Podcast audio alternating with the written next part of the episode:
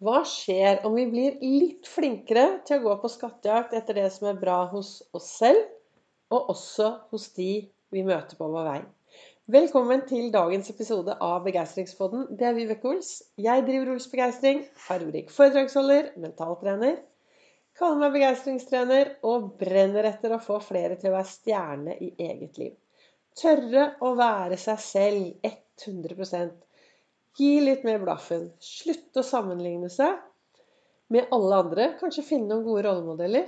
Og en annen ting som er veldig viktig hvis du skal være stjerne i eget liv, det er faktisk å ta ansvar for deg selv og din egen helse. Du kan si at ja, det er jo samfunnet, det, som har eh, Du kan si at det er samfunnet har mye ansvar, men du vet det at eh, du er faktisk en del av samfunnet. Så da har du også ditt ansvar. Jeg startet kjempetidlig i dag morges med å dra ut og vekke sola. Jeg gikk sammen med Alejandro. Så dro, dro, vi kjørte til Hammeren, og jeg hadde med knoll og tott, dekkene mine, og gikk opp på høyresiden. Han eh, hadde på seg ski og gikk opp på venstresiden. Og så møttes vi på Ullevålseter hadde frokost. Og der oppe sendte jeg, hadde jeg en livesending hvor jeg snakket om akkurat dette her med ansvar. Å ta ansvar for sin egen helse.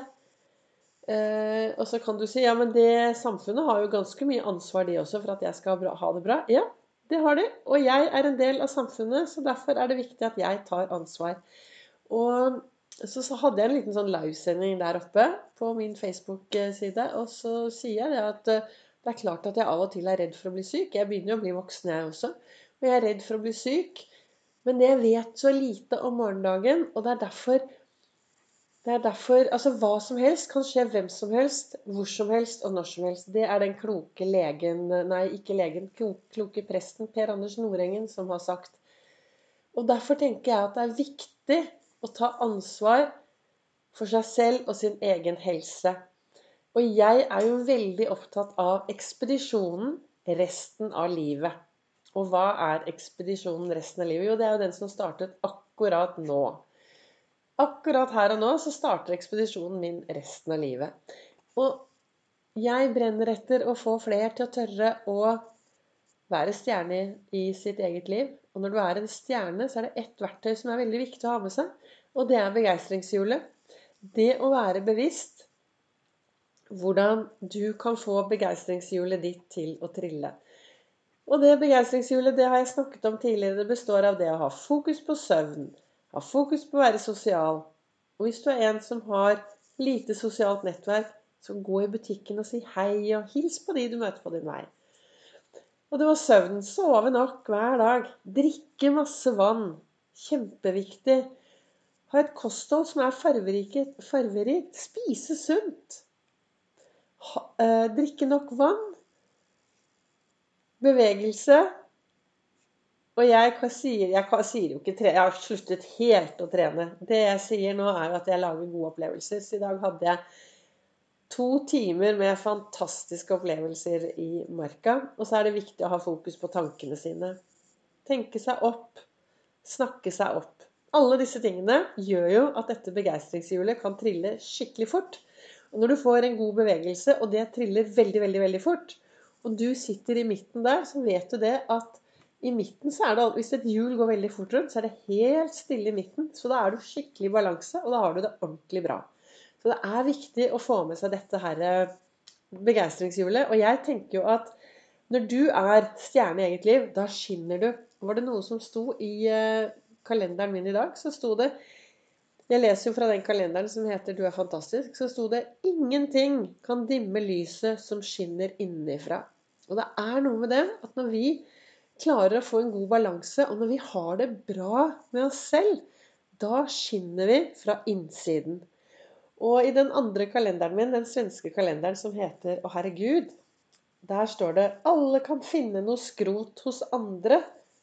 Vær heller en som finner gullstøvet. Og det er så viktig både på jakten på noe bra hos andre, og like viktig er jakten på noe bra hos deg selv. Det skjer noe om du klarer å være et menneske som ser det positive i andre, som klarer å se mye bra i deg selv, som klarer å være ren i tankene dine, ha en god indre dialog, da får du en litt sånn harmoni over det, tenker jeg da i hvert fall. Eh, jeg vet også at eh, det er noen der ute som har sagt at jeg er nok til tider kanskje litt dumsnill. Og har vel kanskje også vært litt dumsnill av og til. Men det er lov til å ha, være ren i tankene sine uten at man er dumsnill. Og det er eh, Jeg tenker i hvert fall Jo da, jeg har noen Og jeg ble Minner på Facebook kommer jo alltid opp, og jeg ble minnet om det i dag. En hendelse for to år siden som slo meg rett ut eh, av urettferdighet.